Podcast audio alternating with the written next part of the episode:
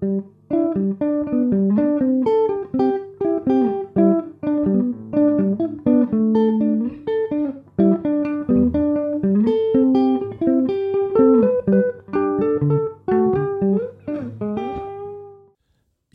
välkomna till ännu ett avsnitt av Bibliotekspodden Solen. Din räddning i litteraturens ocean.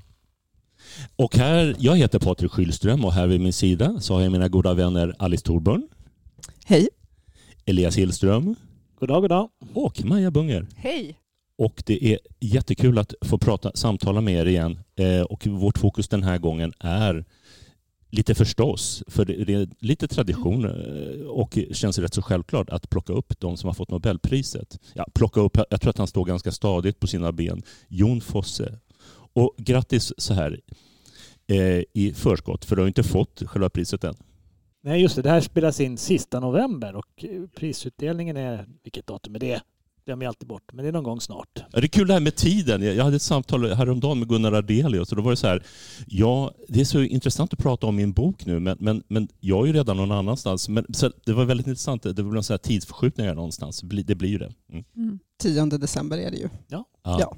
Om en Men- och en halv vecka. Men när du än lyssnar på det här så är du hjärtligt välkommen, kära lyssnare. Men innan vi börjar prata och samtala lite grann just kring eh, Fosse eh, så tänkte jag att vi börjar i en annan ände. Eh, eller inte i en annan ände, men att vi pratar lite grann om Nobelpriset i största allmänhet. Har, har ni, kära vänner, några, tankar kring något annat Nobelpris nyligen eller Nobelpriset i sig senaste åren? Vilken svår fråga Patrik. Jag tittar här Ja. på de som har fått Nobelpris senare. Förra året var det ju Annie Ernaux. Ja. Eh, och sen var det Abdul Razak Gurna Mm. som fick året innan. Louis Glück, Peter Handke, Olga Tokarczuk och så var det Ishiguro. Jag tror faktiskt inte vi har spelat in något avsnitt sen vi spelade in ett avsnitt om Ishiguro när han fick det. Louis Glück har, ni, har vi gjort ett Louis avsnitt Glück om. har vi Ja, haft. visst skulle Mm. har vi, har vi haft med, absolut. Ja, Ja, s- nej men han är väl en annorlunda eh, författare än de här senaste, kanske man kan säga. Fosse, Fosse menar Fosse, ja. du? Ja. Han skriver ju både dramatik och poesi och romaner. Det gör väl inte egentligen någon annan av de här som har fått senaste åren i alla fall. Louise Glück var en tydlig poet och Annie Ernaux skrev sin typ av självbiografiska romaner. Det är sant, de andra har, har lite grann, om man överdriver lite grann, så, så, så har de lite en, en genre var. De andra, han är lite mer genreöverskridande. Det känns någonstans som att han skriver det han måste skriva och sen rå, råkar, det låter ju så fånigt, men att det, det är det det är sen.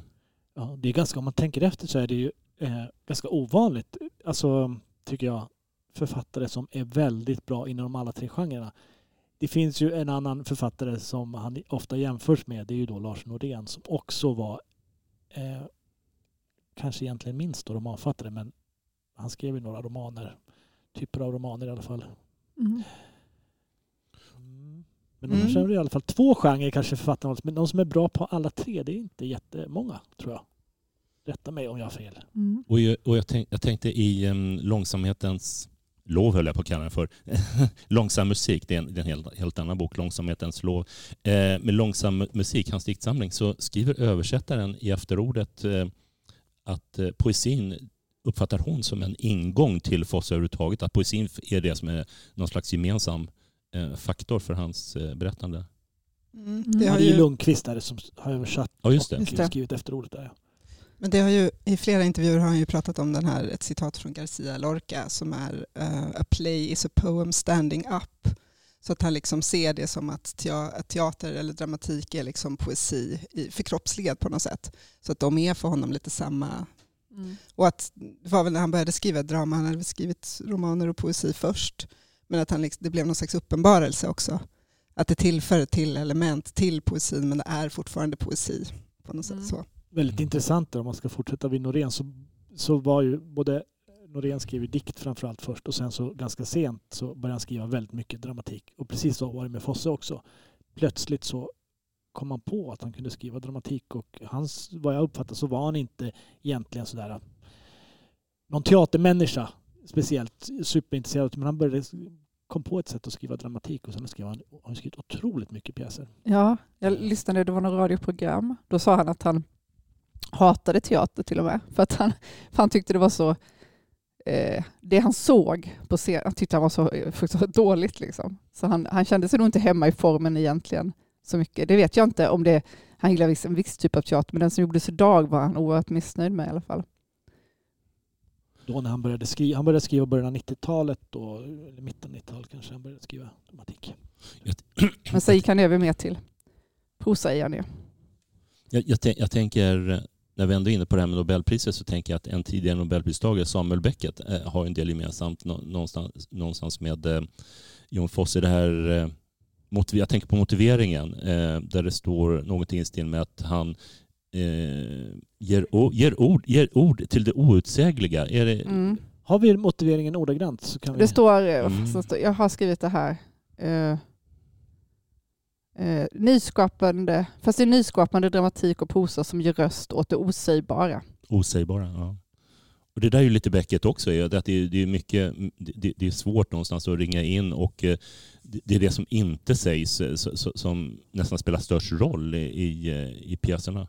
Och det mm. finns ju också i den här samlingen lång, Långsam musik, finns det en av mina favoritdikter där är ju tillägnad Samuel Beckett så att, så att han har ju varit betydelsefull för honom får man ju mm. tolka in det som. Mm. Kan, kan, du inte läsa den redan nu? Jag kanske kan läsa någon del av den i alla fall. Ja. Vi ska se. Jag tycker den är väldigt känns, fin. Vi ska se om jag hittar den här bara. Där, va? Mm. Ja, nu ska vi se. En av de sista dikterna i, i samlingen. De har väl en, börjar med en först enkel så jag vet inte om det är titeln precis. Det är nog kanske titeln, ja. Um, han höll fast vid det lilla han visste som var att ingenting kan vetas. Men mycket kan ses och mycket kan sägas som är sant, så som det är sett, så som det är skrivet. Precis sett, precis skrivet. I rörelser som säger att något är sant, något kan vi veta i den andning som skriften har. För Samuel Beckett avslutas den med. Eh, och just det här eh, något är sant, något kan vi veta i den andning som skriften har. Mm det kan man ju lätt tolka med att det handlar väldigt mycket om andning och rytm och eh, hans, eh, hans sätt att skriva. Som vi kommer nå in på sen när vi pratar om, om trilogin här. Och kanske också musiken. Jag, jag lyssnade ja. en gång på ett föredrag som eh, det var musik blandat med föredrag, bland annat av Horace Engdahl. Och där han pratade om musiken hos Samuel Beckett. Samuel Beckett. Och jag, jag, jag, jag tycker det är det, det, finns en musik, det finns en rytm och det finns en andning som, som sagt i, i Fosse också. Och han har ju också eh, varit musiker. Han, han var musiker när han var ung men han, han tyckte han var jättedålig. Det var tur att han slutade med det. Jag skulle aldrig blivit en bra musiker, sa han. Men det finns, förlåt, nu, ni får ta över sen, nu pratar jag jättemycket här i början. Jag läste en jättefin bok som kommit alldeles nyss som ut, bokförlaget Fighton har gett ut som heter Jan Fosses ABC. Som jag tror är en väldigt bra, eh, eh, en fin intervju, samtalsbok med Jan Fosse. Jon Fosse. Och det är mycket musiken han pratar om. Eh, bland annat så säger han, tycker jag, väldigt fascinerande att han när han skriver så sitter han ofta och eh, nästan stampar takten och gungar i takt när han skriver. Och det tycker jag man kan göra när man läser han, speciellt hans romaner. De är... Eh, och eh, även när han säger vad han skriver för typ av dramatik. Han säger att han skriver egentligen en melodi. Och sen får regissören göra arrangemanget och bestämma vilka musiker det ska vara. Så han, han, han ser på sina, sina um, teaterstycken, eller sin dramatik som melodier. Mm. Men det, det, här är jätteintressant för att du också, jag, jag lovar jag ska släppa in er också Alice och Maja, men, men jag tänkte på, du, du nämnde också för mig någon gång tidigare att eh, just det här att han, eh, att Fosse alltså, att han jobbar väldigt intuitivt också. Eh, när han då sitter där och klampar takten så har han inte ens sin, hela sin berättelse färdig för sig. Mm. Nästan ingenting och det var ju som vi pratade om väldigt mycket, vi pratade om Kafka förra gången. Han verkar, för honom är det helt meningslöst, Beckett också, eller säga Fosse, väldigt tydlig med att det blir meningslöst för honom, han vet innan, utan han går in i, i någon slags tillstånd nästan får man känslan och vill skapa något nytt som inte har funnits där tidigare som man inte vet vad det är innan. Nej, nej är det inte det han kallar så här, själv kallar för negativ mystik? Att det är något som man inte kan tala om, som bara kan skrivas fram och så är det, det kommer där ur. Det går liksom inte att förbereda sig på det innan utan det bara Det är någon slags mystik i det ju. Är vackert. Låter nästan som Wittgenstein när han skriver sin Traktatus Philosophicus, eller eller Ja. vad det heter. Just det att det fi- finns någon slags eh, mystiskt i hans eh, ja, katalogisering av, av all Mm. kunskap och sånt. Det, precis, det första dikten, man kanske skulle kunna ha med, för den tycker jag är så i, nu pratar vi om diktsamlingen, vi ska gå över till boken sen, men Mm. Till romanen, men den här, um, um, ska bara se. Det är dikter från hela hans eh, Just det. tid som poet. Det är tidiga dikter och Långsam musik, en, Ja, en jättefin lite- översikt. Ja, precis, och översättning av Marie Lundqvist. Och det, precis, det är fyra olika delar som ingår. Den första heter, eh, det är ur den här då, Hund och, och ängel från 92. Eh, och där är det en som, som jag tyckte om. Eh, ska jag läsa den? den? Den är inte så lång. Eller så läser du en del av Jag det. läser en del av den bara. Han ska säga, vem är det som skriver? Är det jag eller är det något som skriver i mig och som skriver min skrift genom mig? Kanske är det jag som skriver. Om det är jag som skriver så är det ett jag som varje gång är olika. För i skriftens rörelse finns det alltid ett jag som skriver. Och detta jag är inte jag, eller kanske är det jag. Men detta jag är så olika från gång till gång att det inte kan vara jag. Det tycker jag är, ja, den, den, den dikten tycker jag är väldigt fin. Det, det, det är fint att det inleds med den också på något sätt. För att, vem är det jaget som skriver? Liksom? Det blir en slags, Och vad är det som är ett jag vad är det som är ett jag? Och när man talar om sig själv, Han pratar talar man om sig själv? Eller? Precis som det är i boken här. Att han känner, vet nästan inte vem det är, den här personen som skriver. Det är som ganska långt från honom själv. Som Mm. att han blir någon annan när han skriver. Ett Ja. annat tillstånd. Nästan som att han blir någon annan person som man inte riktigt kan känna igen sen när han inte skriver. Någonting sånt säger han. Ja men verkligen. Som att det finns något. För jag vet, då, då läste jag om eh, Lars Norén ställe, att han skrivit någonstans, skrivit så här. Det krävs för att bli medveten om det som är vara i mig, som alltså inte längre är jag, som aldrig varit det. Som att det finns ett nästan... Alltså detta är ju ganska svårt att förstå exakt vad han menar, men jag tänker ett vara som finns i en, som inte är ett jag. Ett jag är ju så bundet till vad man själv tänker om sig själv. Och det, vem är... Det har man liksom själv... Det är sin egen historia. Men vad finns det bortom det i sig själv på något sätt? Nu läser du ur en bok av... Ja, kan du säga något kort om den? Jag läste en bok om Carl Jan Ekevald eh, som heter det, finns, det som inte finns och den trodde jag. Jag trodde att den skulle handla om Jo Fosse så jag lånade hem den men gjorde faktiskt inte det. Men det handlade om han Hauge däremot mycket som är från en norsk författare också. Eh, som inte lever längre men som skrev. Och, eh, eh, nej men den här, och då har han med lite saker, frågor där, liksom, som jag tyckte passade in på Fosse. Mer än att det handlar om Fosse.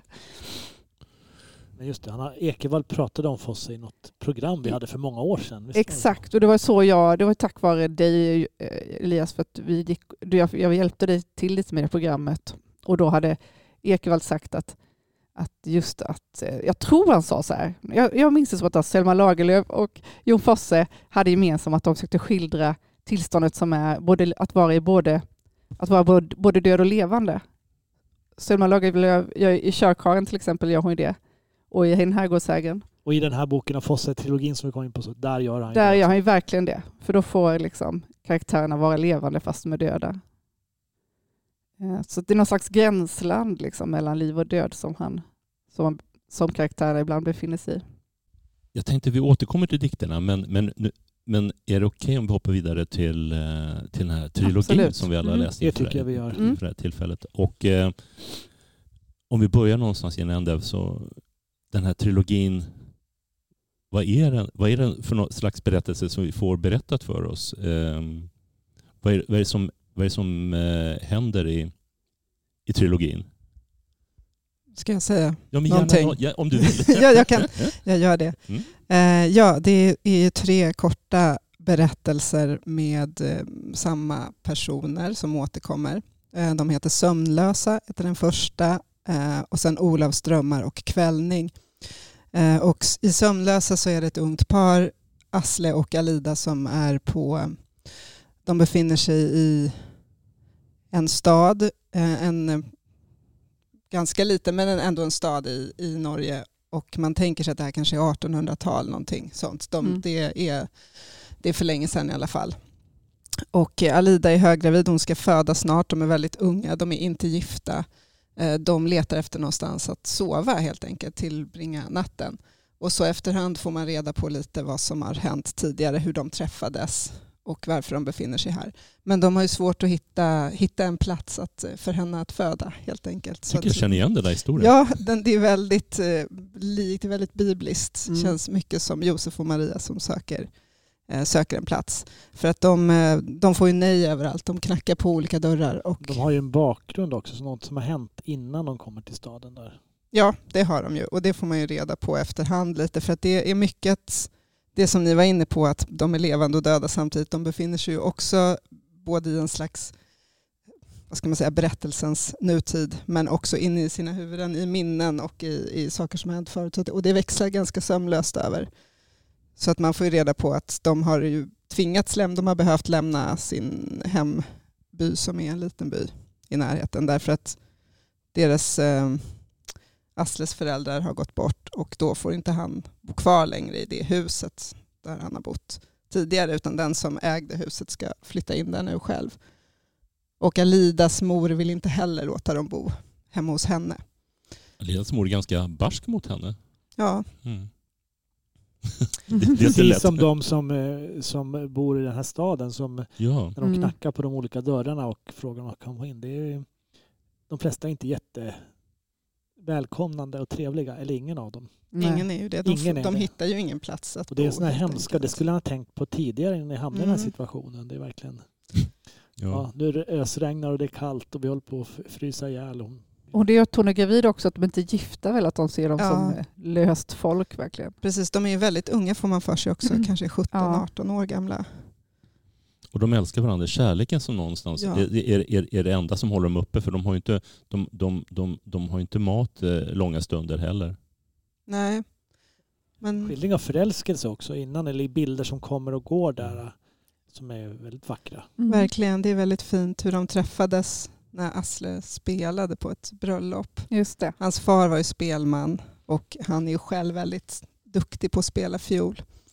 Mm. Ehm, Och musiken skildras som någonting väldigt viktigt. mm, Som någonting som man behöver. ja, precis. Men som också är den här identiteten som spelman är ju också någonting som är som en förbannelse lite grann. Eller de nämner det. Hans pappa sa det, kallar honom själv, man är spelman och då måste jag vara det. Jag är född till det. Jag kan inte, inte vara någonting annat. Men det innebär att jag måste resa runt och jag måste resa ifrån min familj och så vidare. Så han vill ju egentligen inte att Asle ska bli det. Men det är som att han måste, ödet ha bestämt det. Det är ju mycket i den här som känns ganska så här ödesbestämt. Alltså den, den har både den här rytmen som vi har varit inne på i eh, berättelsen och också det arkaiska och så. Alltså det, det är liksom det sagoaktiga, det bibliska. Det är långt tillbaka, men man vet inte om det är 1800-tal riktigt. Det, är några, det finns ju något sånt där sa, sagokänsla i det. Mm. Men det är väldigt vacker. Det är en sorgsen berättelse, men Ja. väldigt vacker också. Ja. Eh, och jag, jag tycker den känns lite grann som en mö, eh, sån här mördarballad. Jag, jag tänker på Nick Cave mitt i alltihopa. Ja. Ja, stilen är ju väldigt, väldigt speciell. Det är um, upprepningar och Mm. variationer och omtagningar och eh, som jag tyckte påminner lite grann om Thomas Bernhard. Eller ganska Ja. mycket sättet Mm. att eh, även om eh, vad ska man säga känslan är en helt annorlunda. Helt olika typer av böcker så känns det som att det är lite samma typ av kompositörer och prosa. Eh, just variationerna och upprepningarna som är väldigt Men- fina, speciella. Ska man läsa lite bara i Det början precis? jag. Eller det har du jag. Läs inledningen hur den Ja, börjar. jag tänkte det bara Gör det. precis när de Ja, men går jä- där. jättegärna. Sen kan vi läsa annat längre fram ja, också. ja, abso- absolut. Varsågod Men eh, början där är, ju, är så här då. Asle och Alida gick omkring på Björgvins gator. Över axeln bar Asle två knyten med allt de ägde och i näven bar han fiollådan med fiolen han hade ärvt efter far Sigvald. Och Alida bar på två nätkassar med mat. Och nu hade de gått omkring på Björgvins gator i flera timmar och försökt få tag på husrum. Men det var rent omöjligt att få hyra rum någonstans. Nej, sa man, vi har tyvärr inget att hyra ut. Nej, sa man, det vi har till uthyrning är redan uthyrt. Så sa man. Och då fick Asle och Alida fortsätta att gå omkring på gatorna och knacka på dörrar och fråga om de inte kunde få hyra ett rum där i huset. Men inte i något av husen fanns det rum att få hyra. Så vart skulle de då ta vägen? Var kunde de då få skydd för kylan och mörkret nu om senhösten? Mm. Det, det låter ju verkligen som jul, julevangeliet. Jag gillar, att han, jag gillar att han traderar den berättelsen, för det är ju en evig berättelse om, om människor som är på flykt någonstans. Mm. Verkligen. Och, och, och sen, det här, sen det här med moralen, eh, att de har ställt till det för sig så att ingen släpper in dem. Och det finns ju inte direkt någon stor, stor, kärl- stor eh, vilja hos folk att, eh, att, eh, att öppna sitt hem. Ehm, och vi kan ju, jag kan ju antyda att, att, eh, eh att det, de begår hemska handlingar eller överser hemska handlingar. Eh, men, men, men det finns en förklaring någonstans. Så det är väldigt, väldigt mycket motsatser, paradoxer. Vad är godhet och vad är, vad är rätt och vad är fel? Eh, ganska moralisk berättelse utan att det skriver någon på näsan. Jag tror man kan berätta ganska mycket vad som det handlar om för att Ja. den är ju, förtar nog inte läsningen av berättelsen. Men första delen, första delen är ju slutar ju med att de hittar i alla fall någonstans där hon kan, eh, kan föda sitt barn. Och eh, i något slags lite ljus ändå. För de tänder en brasa och det blir varmt och de verkar hitta någonting att äta och, och så. Um, men sen del två, då som heter Olafs drömmar. Då är de inte längre där utan då befinner de sig i någon annan by en bit från staden eh, och har antagit andra namn. Och plötsligt börjar det ju, man, det framkommer ju att eh, de gjorde någonting. Slog ihjäl någon kvinna eller hade bröt sig in i ett hus för att få, få den här värmen och få möjligheten att, att föda och så och inte kanske frysa ihjäl för det är nästan så att de håller på, Mm. de håller på att gå under Mm. och i desperation så, så Ja, man har ju förstått innan att någonting har hänt. Ja, men Fosse har ju inte, han har ju aldrig skrivit ut Nej. det. Men de, de kommer ju in i ett hus där det egentligen bor en kvinna och hon försvinner. Alltså hon, hon är ju med när hon säger nej, de får inte bo där, men då går de in i alla fall. Och sen är hon inte med längre. Utan man förstår att någonting har ju hänt med henne. Och i den här andra delen har de ju då flytt. Asle säger till Alida att vi måste nog lämna den här staden för det är någon som är ute efter oss. Så de beger sig ju en bit utanför stan till ett, ett, och hittar ett hus då som jag förstått som det är, det är öde, det är övergivet som de går in i. det framkommer senare också att de, här kan vi bo och sådär. Precis, men sen beger ju han sig tillbaka till stan då. Fast han, han, då han säger också att nu måste vi kalla oss, vi ska inte heta Aslo och Alida längre, vi ska heta Olav och Åsta tror jag. Eh, och då, men han ska bege sig tillbaka till stan för han tänker sig att han ska köpa ringar, visst är det så? Mm. Han vill Ja. ju att, de är ju inte gifta men han vill att de ska Ja. Se ut som att de är gifta eller att de är gifta i själen menar ju han då. Mm. Och hon säger till honom, gå inte tillbaka till staden. Jag, hon känner på sig att hon inte kommer få se honom igen om han gör det. Mm. Men, men han säger, jo men idag är en bra dag, jag måste gå tillbaka till stan. Mm. Ja. Och det är då han möter gamlingen på vägen. ju. Som, som är väldigt, nej, det är en väldigt, väldigt otäck person. Som du sa. otroligt stark gestalt. Ja, Alltså, väl, jag, gestalt. tänkte, jag måste säga som jag tänkte på. Ja. Lost Highway tänkte jag på. Ja, lite där- så. Ja. För där är det en man som kommer in på en fest. Och då träffar han en, jätte, en gammal otäck person som säger att eh, jag är hemma hos dig. Och, så säger, och han bara, du kan ju inte vara hemma hos mig. Han bara, men ring hem till mig så ska du få se att du, jag är hemma hos dig. Och så ringer han hem. Och så är den här gamla personen också där. Men jag tänkte jättemycket på honom, för jag såg honom framför mig när jag läste det här. För att han, det är just, alltså, han vet, alltså, just för att han är så allvetande på något sätt. Han vet allting om, om eh, Olav då, eller Asle. Och han vet att, det är, att Olav är Asle, att han har begått, han, han påstår att han har begått de här brotten, att han har dödat Så han Alidas säger inte det mor. egentligen.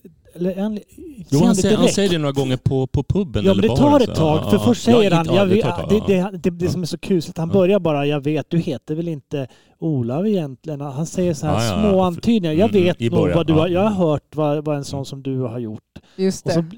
det, det tar ganska länge innan han Mm. säger att du har haft ihjäl någon. Det är så här smygande. Han vet egentligen vem man är. Och Olof förstår ju på en gång att det här är ju det här kommer gå åt helskotta. Ja. som. Det är ödesbestämt. Han, Jag Mm. kommer inte att bli av med den här gamlingen. Alltså det är som en Nej. samvete som bara... Är det en människa eller ett samvete? Ja. Eller ett, Både och. Ja. Ja. Både och som en, som en modern klassiker. Jag, jag, jag, jag tänker också, också någonstans att det, där kommer det här bibliska in igen. Att han gång på gång så förnekar han, nej, det, jag, det är inte jag. Eh, nej, det är inte jag. Eh, gång på gång, ungefär som eh, som i Bibeln, när han, när, tre gånger så, så, så, så, eh, förnekar, så förnekar någon att han är, att han är lärjunge till Jesus. Eh, var Paulus va? No. Mm. Förlåt mormor. Det var roligt.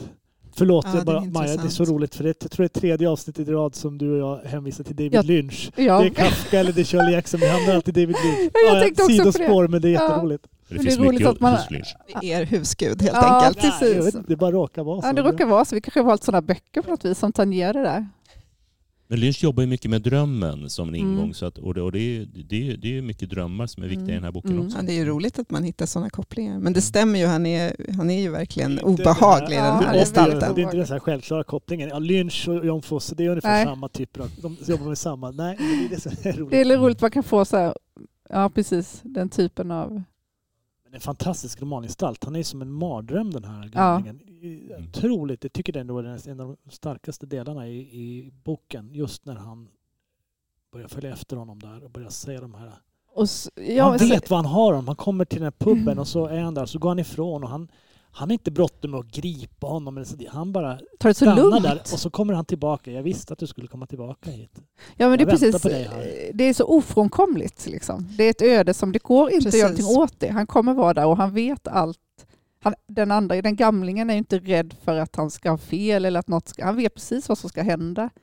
Men det är ju det början. som är så, för att som läsare så ser man ju att Olav Asle han förstår ju att den här kan vara farlig för mig, den här personen. Och han träffar honom igen, som ni säger, först på vägen och sen på skänkstugan mm. um, där de dricker lite öl. Sen går han därifrån för att köpa de här ringarna, fast det blir istället ett annat smycke han köper. Men sen går han ju tillbaka till skänkstugan mm. igen och det är ju väldigt ologiskt. Alltså, rim, rimligtvis skulle han ju bara, nej nu måste jag härifrån så fort som möjligt. Men han går tillbaka dit och då är gamlingen där igen och, då, det blir, och så eskalerar det här. Det var det som vi pratade om tidigare, att det, det, är nästan, det finns ju något sådär, dels ödesbestämt, nästan ännu starkare att han, han som eh, hon säger, vad heter hon nu i den här boken, Olafs... Osta. Ja, hon förstår att det kommer gå åt helskotta när han går tillbaka till staden, men det är som att han dras dit. Det är som att han, mm. att han vill att sanningen ska komma fram. Alltså man skulle kunna tolka den så. Han, för han går tillbaka till puben fast han vet att gamlingen är där som kan sätta dit honom, som vet att han inte heter Olav egentligen. Och det finns nästan som att han vill bli straffad för att han har, har begått den här hemska handlingen. Det mm. finns en sån tolkning man kan göra som Men du... parallerar med brott och straff av Dostojevskij då. Absolut. Att, det, att har man mördat någon så det finns bara en sak som är värre att bli straffad är att inte bli straffad för att den, den det, det är ännu värre om man har det, det är en tolkning man kan göra mm. och det är temat som finns i brott och mm. straff. Mm. Mm. Ja precis, man måste på något sätt konfrontera det där eller ja. möta det. Ja. ja. Sen, sen, sen, tycker jag, det här kanske låter jättefånigt, men jag tycker att boken har en viss humor ibland också mitt i, all, mitt i allt.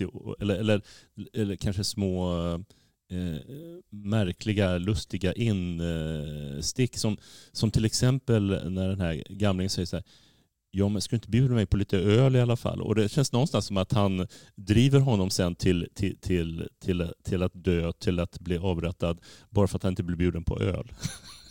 Mm, precis för att han har, det, det, är en väldigt konstig läsning någonstans, men så här, hade du bjudit mig på öl så hade jag kanske låtit ja, dig vara. Men det är ju det där hotfulla, att han mm, är så här, jag ja. har en hållhake på dig så att du borde nog bjuda mig på... Alltså, men, men varför gjorde han inte Men han gjorde inte det. Nej. Gett han en öl.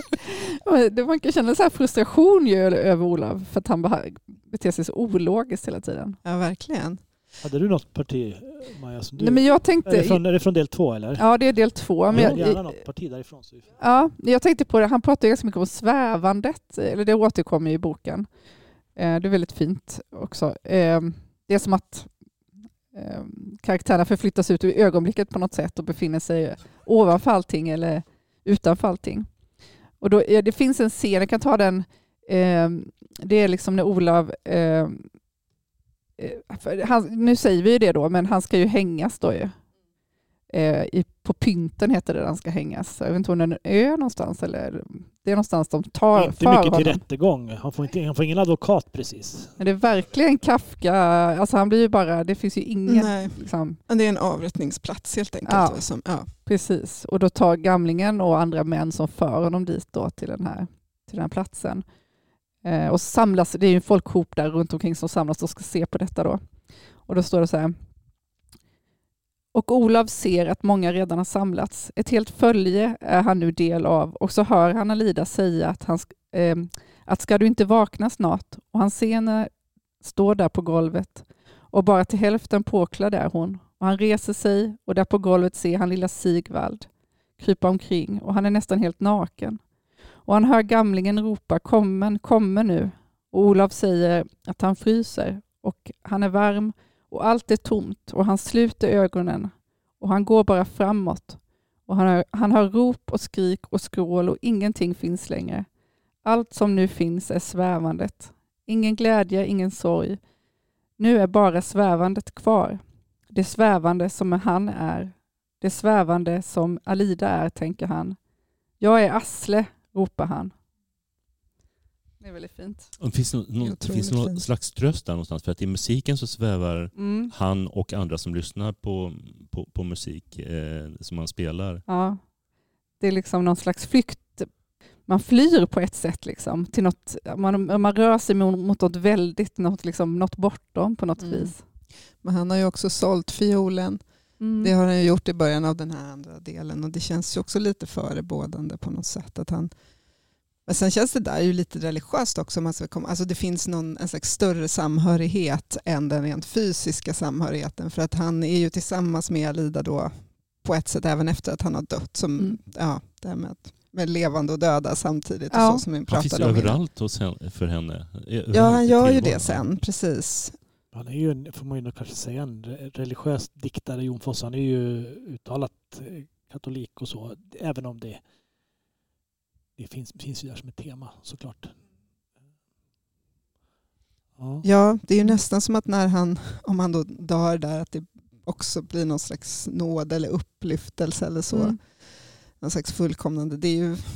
Det är Ja. verkligen ett ljus hela tiden liksom, över Ja. allting ändå. Det är, lite, det är ju inte Norén, eller Norén skriver väl inte, vi har inte det som var ljus, har han det? Det inte han spelar en nåd, Nej. samma nåd. Vad menar du Det- för ljus? Menar du en slags nåd? Eller vad Ja men alltså som det här att de hela tiden möts, en, alltså, Mm. trots att han ska hängas Mm. så är han med henne. Det är, något, Ja, det är, liksom, mm. det är inte fullständigt mörker. Liksom. Nej, jag upplever också är det, ga- mycket. Jag, jag tycker nog att det är rätt.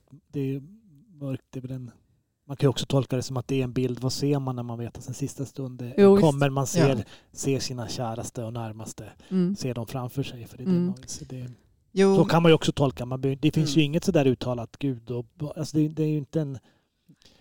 Det ligger ju Nej. bara där under ytan. Det är ju inte någon... Absolut. men det är ju även i den tredje delen sen, Kvällning, Mm. som ju inledningsvis berättas av en kvinna som heter Ales som är Alidas dotter. Som hon får, för man får reda på att hon sen gifter sig eller lever tillsammans med en annan man.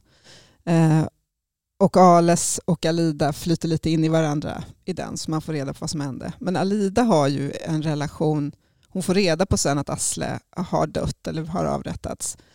Men då, då ser hon honom ändå, då för hon liksom samtal med honom och de kommer fram till hur ska du fortsätta ditt liv och det här är nog det bästa för dig och jag kommer alltid vara med dig, säger den här Asle. Mm. Så där finns ju absolut, tycker jag också, ett, ett ljus eller någon slags... Alltså hon, hon försöker göra det bästa av situationen på Man något kan ju sätt. tolka det som en, sätt, som en slags kärlek. De, de hade ett, alltså för i, i första delen är det ju, även om det är ganska kort, en väldig skildring av någon slags förälskelse och kärlek mellan två personer. Och att det är någonting som finns kvar även när en person har dött. Det behöver man inte vara religiös för att tycka. Nej, Nej. Om man har haft någon som man har tyckt om väldigt mycket, det kan vara en förälder eller någonting, så finns ju den personen med även när de inte finns i jordelivet Ja.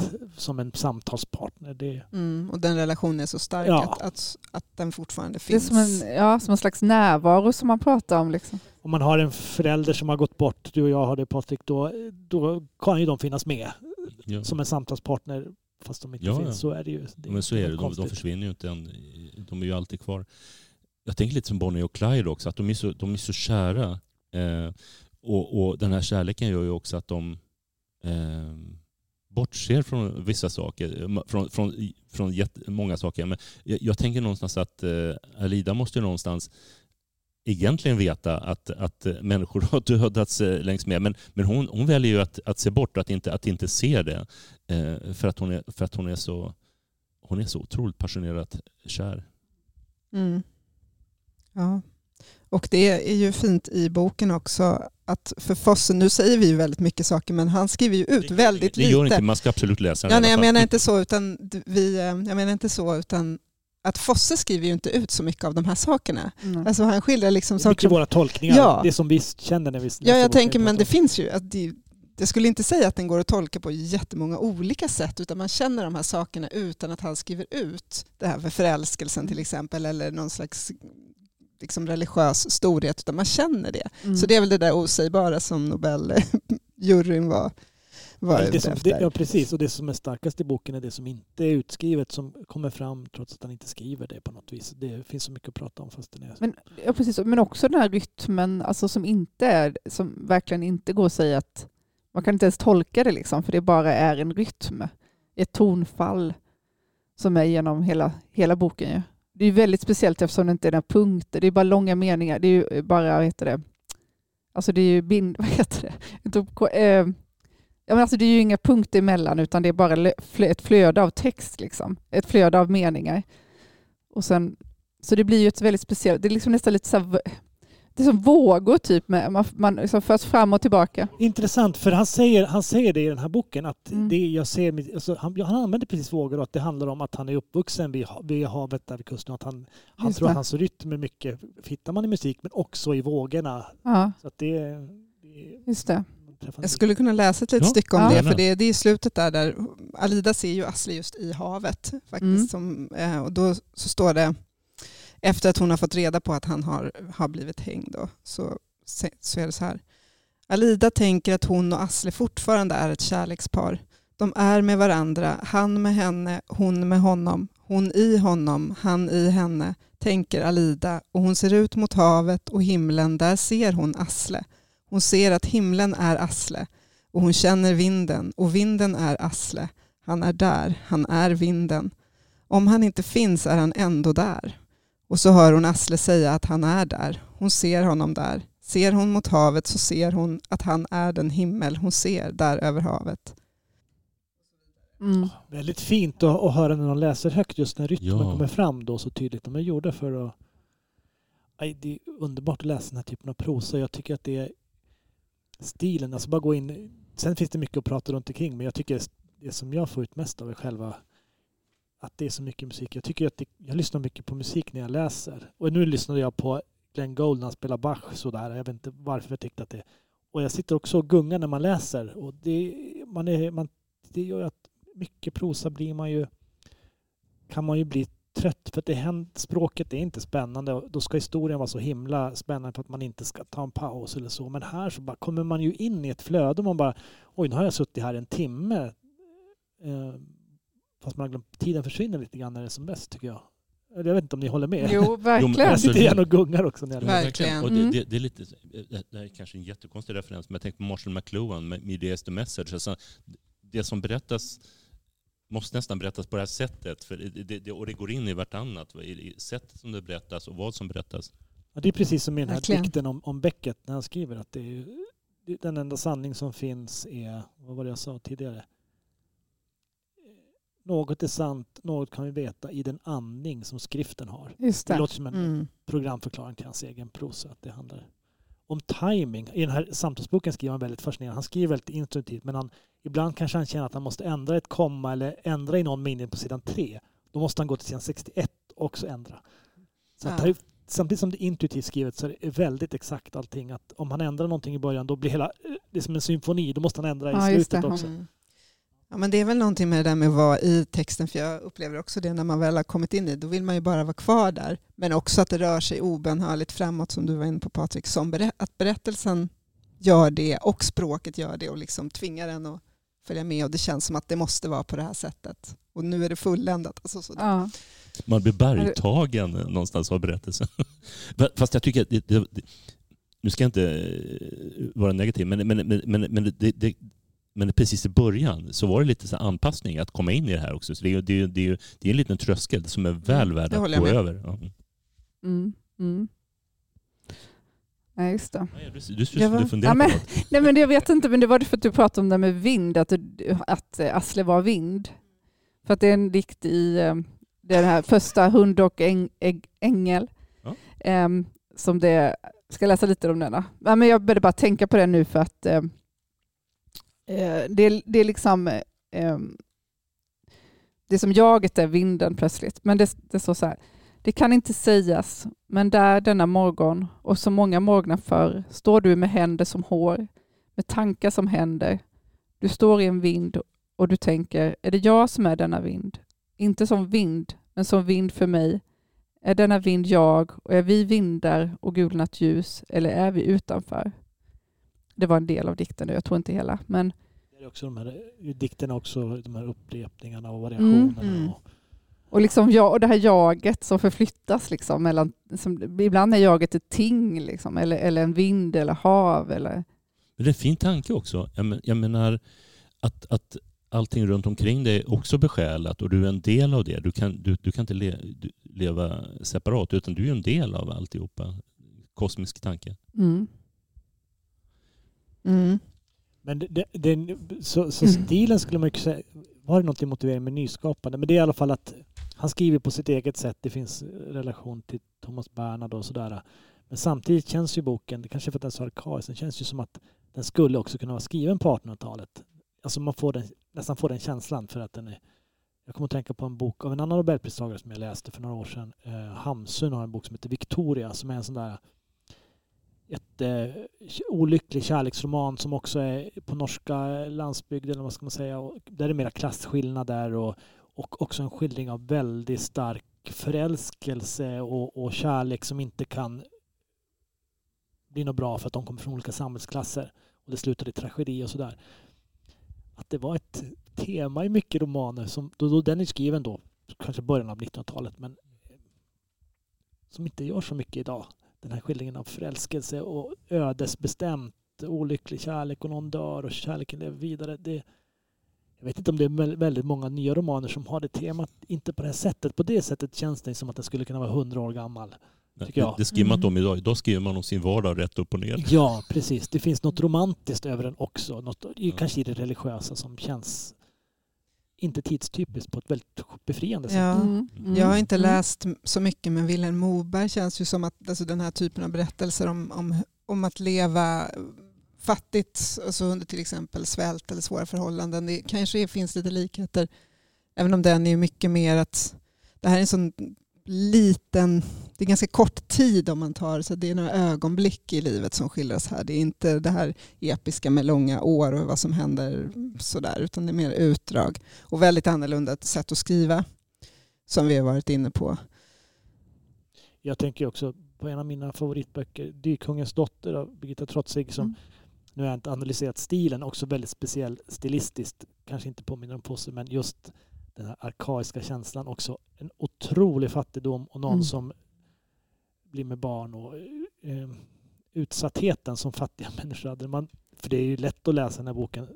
Posse säger att man ska inte läsa hans böcker marxistiskt eller så, men man kan ju bli jag kan ju bli så förbannad när jag läser en bok att det var så orättvist. Att, att det här, så här var det för många människor för 150 år sedan. Och man svalt ihjäl om man inte var gift och fick barn eller om man kom från en fattig... Det, är ju också, det skapar, kan ju skapa en sån läsning, en sån Mm. vrede. Så här, jag vill bygga ett samhälle där man tar hand om alla människor och Ja. alla ska kunna få föda i trygghet på ett, Mm. sjuk, på ett sjukhus och så. Det fanns ju... Den kan ju väcka en sån, verkligen en Absolut. sån känsla. Boken Det finns ju inte jättemycket sånt ut, men det finns ju ett, ett citat där de pratar just och eh, Alida säger att men det är så här, det finns de som äger och de som inte äger. Och så är det och så måste det vara. Just Och det. Asle säger något som, ja så måste det vara och så har de de här.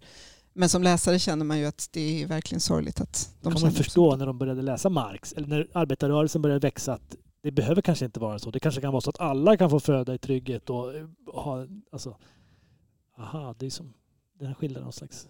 Och det, det, och det öppnar upp för det här som eh, Brecht och det här, så här erst kommt das fressen och inte kommt immoral. Alltså, alltså, det är lätt att prata om moral också när man, när man är mätt. Eh, Men för de som inte är mätta så finns det en annan moral. Och den, det tycker jag den boken skildrar väldigt väl. Mm.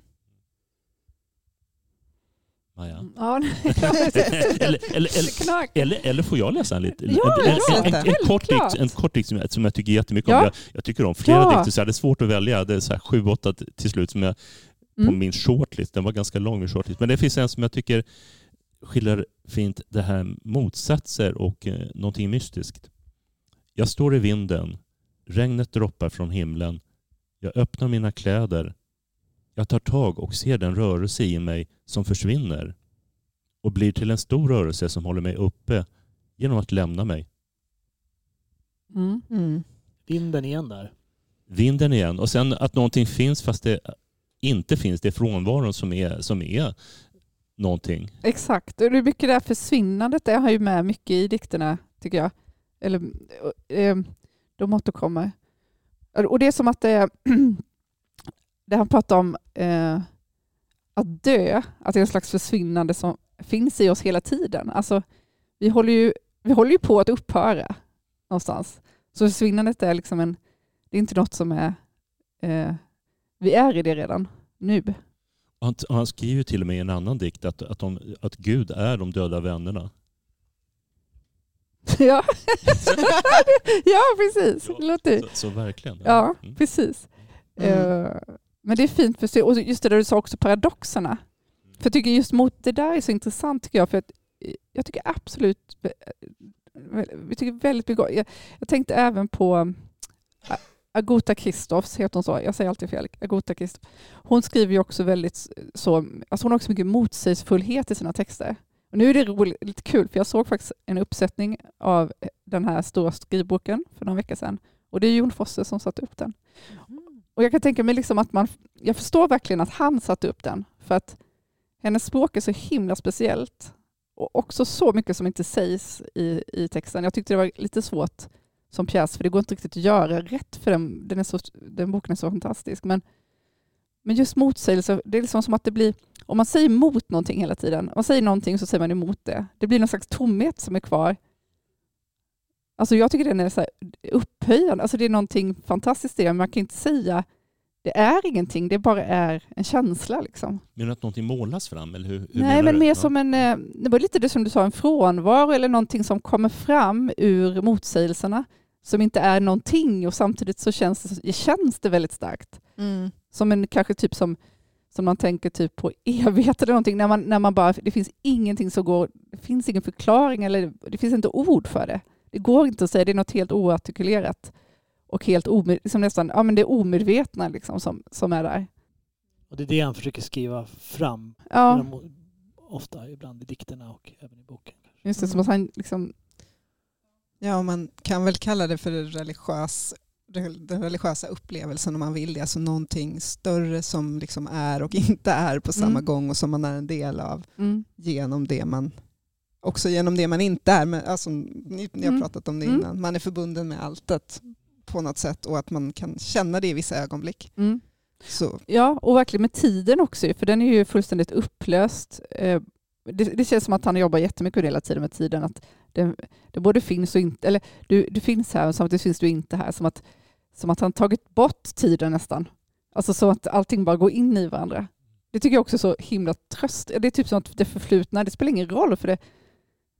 Alltså det är som att det, ingenting riktigt eh, har hänt. För det, man är, vad ska man säga, man är i allt på en och samma gång på något vis. En och samma punkt någonstans, eh, både i drömmen och i minnet. Ja. och- ja. Det gör han ju i, i trilogin också, kanske inte på det sättet, men väldigt så här naturligt så, så händer ju saker som har hänt tidigare och saker som ska komma och saker som har, utan att, Ja. man, utan att man blir egentligen förvirrad av det, utan att det blir, det skulle kunna bli väldigt rörigt, men det känns som att det är naturligt för att det är så man tänker och det är så man finns som människa. Ja. Det är inte från Mm. punkt A till punkt B till Nej. punkt C, utan det, det rör sig lite runt och fram och tillbaka. På ett väldigt, Precis. som, som i musik, så olika teman som Ja. återkommer. Och, En slags frigörelse från tid och rum. Han, han har ju sagt någonstans, nå- någonstans att han inte gillar... Alltså till exempel nu när det gäller Nobelpriset så vill han vara i så få sociala sammanhang som möjligt. Eh, ro, roligt nog så är han, kommer han vara i Rinkeby med Mm. barnen i Rinkeby och det tycker jag är jätteskojigt. Men, men, men för att vara en, en människa som inte vill vara i sociala sammanhang så tycker jag ändå att han är väldigt empatisk, att han kan känna in eh, i, i de här rollerna i, i, i, i boken och i dikterna också, vad, vad det är att vara människa. Mm. Fast det kanske behövs det någonstans, att man är shaman och att man går lite utanför, att man inte är bland i de här folksamlingarna lite- och de här sociala sammanhangen. Lite paradoxalt, han har ju sex barn. Mm. Men han gillar inte att vara runt människor. Hur Nej. tänkte han då? Säger jag. Nej, men han, för jag, för jag fattades nästan var det en drivkraft när han skrev, när han började skriva, han skulle bli författare när han var 20-årsåldern. Han bara skrev allt som han, han skrev, har skrivit barnböcker och allt. Mm. För att han vill absolut inte ha ett vanligt jobb där han var tvungen att umgås med folk varje dag och träffa människor. Han skulle inte klarat av det Nej. riktigt kände han. Så att, Ja. Men det är klart, de sociala sammanhangen här handlar ju också om att man måste göra sig till lite grann, man måste spela roll. Och jag, tror, jag tror inte han klarar av att kallsnacka med folk. Nej, fast i nå- någon av de intervjuerna jag läste så var han ändå så här, men det här är trevligt. Eh, Alltså ett samtal mellan två personer är trevligt, men i hela det här stora liksom... Ja, man, måste förställa sig kanske och vara, Ja, alltså det blir liksom på ett annat sätt ju. Det Mm. förstår man ju verkligen. det precis. skönt med, med, med den typen av författare. Det som känns som att författarvärlden är ganska mycket full av folk bara som vill Ja. vara klassisk clown och Ja. vara mitt i och vara all uppmärksamhet på mig. Och ganska skönt. Man kan vara författare fast man är lite blyg och inte Mm. vill vara Nej. centrum jämt. Den känslan får man ju inte av honom. Känns Nej. väldigt mysig person bara. Mm. Men den för, känslan kanske har premierats också mer på i och med att det, det har blivit det är vikt, allt viktigare för författare att liksom synas och göra intervjuer och vara med i Mm. olika sammanhang för att man, Många deras litteratur ska uppföljas. Precis, så att fler av den personlighetstypen kanske blir författare än Mm. förr. Det är sant. Men jag läste, det var apropå det vi pratade om i början med det här med jämfört med andra, um, andra priser, andra Nobelpris, eh, så var det en, eh, en docent i litteraturvetenskap som heter Paul Tengart som tror jag skrivit lite om Nobelprisets historia som uttalade sig om det, om det här Jon Fosses pris Mhm. då, och sa att han tyckte att den här, eh, det här priset jämfört med Gurna och Arnaud kanske framförallt så går det lite ifrån em, att, att litteraturens språkliga och existentiella dimensioner snarare än de etiska och ideologiska funktionerna är liksom vikt, premieras med det här priset. Mm. Alltså det är inte så viktigt för Fosse att det, det etiska och ideologiska han vill inte föra fram ett budskap till hela världen utan istället just den där, det existentiella, liksom det Mm. att vara människa mm. i, i, det, det lilla och det som är lika för alla på något sätt. så. Ja, Och han lämnar Det till oss att tolka. Det känns ju som han skriver. Mm, ja precis, det är inte så mycket pekpinnar som sagt. Även om man kan... Får Ja. jag säga en referens som, som jag tyckte var väldigt intressant? Så jag, eh, nu vet jag inte exakt hur man säger honom, men ni har säkert läst också. Den här eh, eh, Tarjei Vesas. Eh, fåglarna, säger man så? Fåglarna. Ja, Fåglarna. För den läste jag för några år sedan. Och den var helt, eller nej, kanske något år sedan. Och det var för att Knausgård sa att han tyckte det var den bästa norska bok som hade skrivits. Och den är så fruktansvärt bra. Alltså den är, och tydligen så är hans eh, Fosses debut eh, som heter Raut Svart eh, har inspirerats mycket av den.